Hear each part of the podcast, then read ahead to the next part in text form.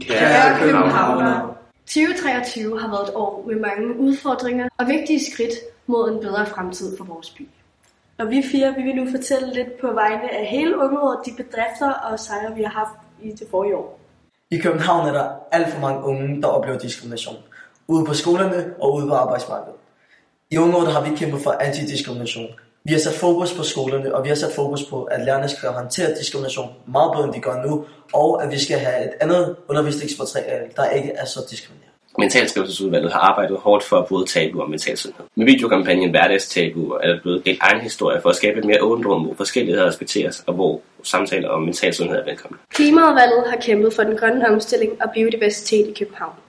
Byens udvikling hen mod bæredygtighed skal accelereres. Derfor har vi fokuseret på at skabe flere grønne områder af byen og inkluderet natur i vores byplanlægning. I år har vi også haft en mærkesag, som handlede om ungeindflydelse, fordi vi synes, det er utrolig vigtigt, at unge de bliver inddraget.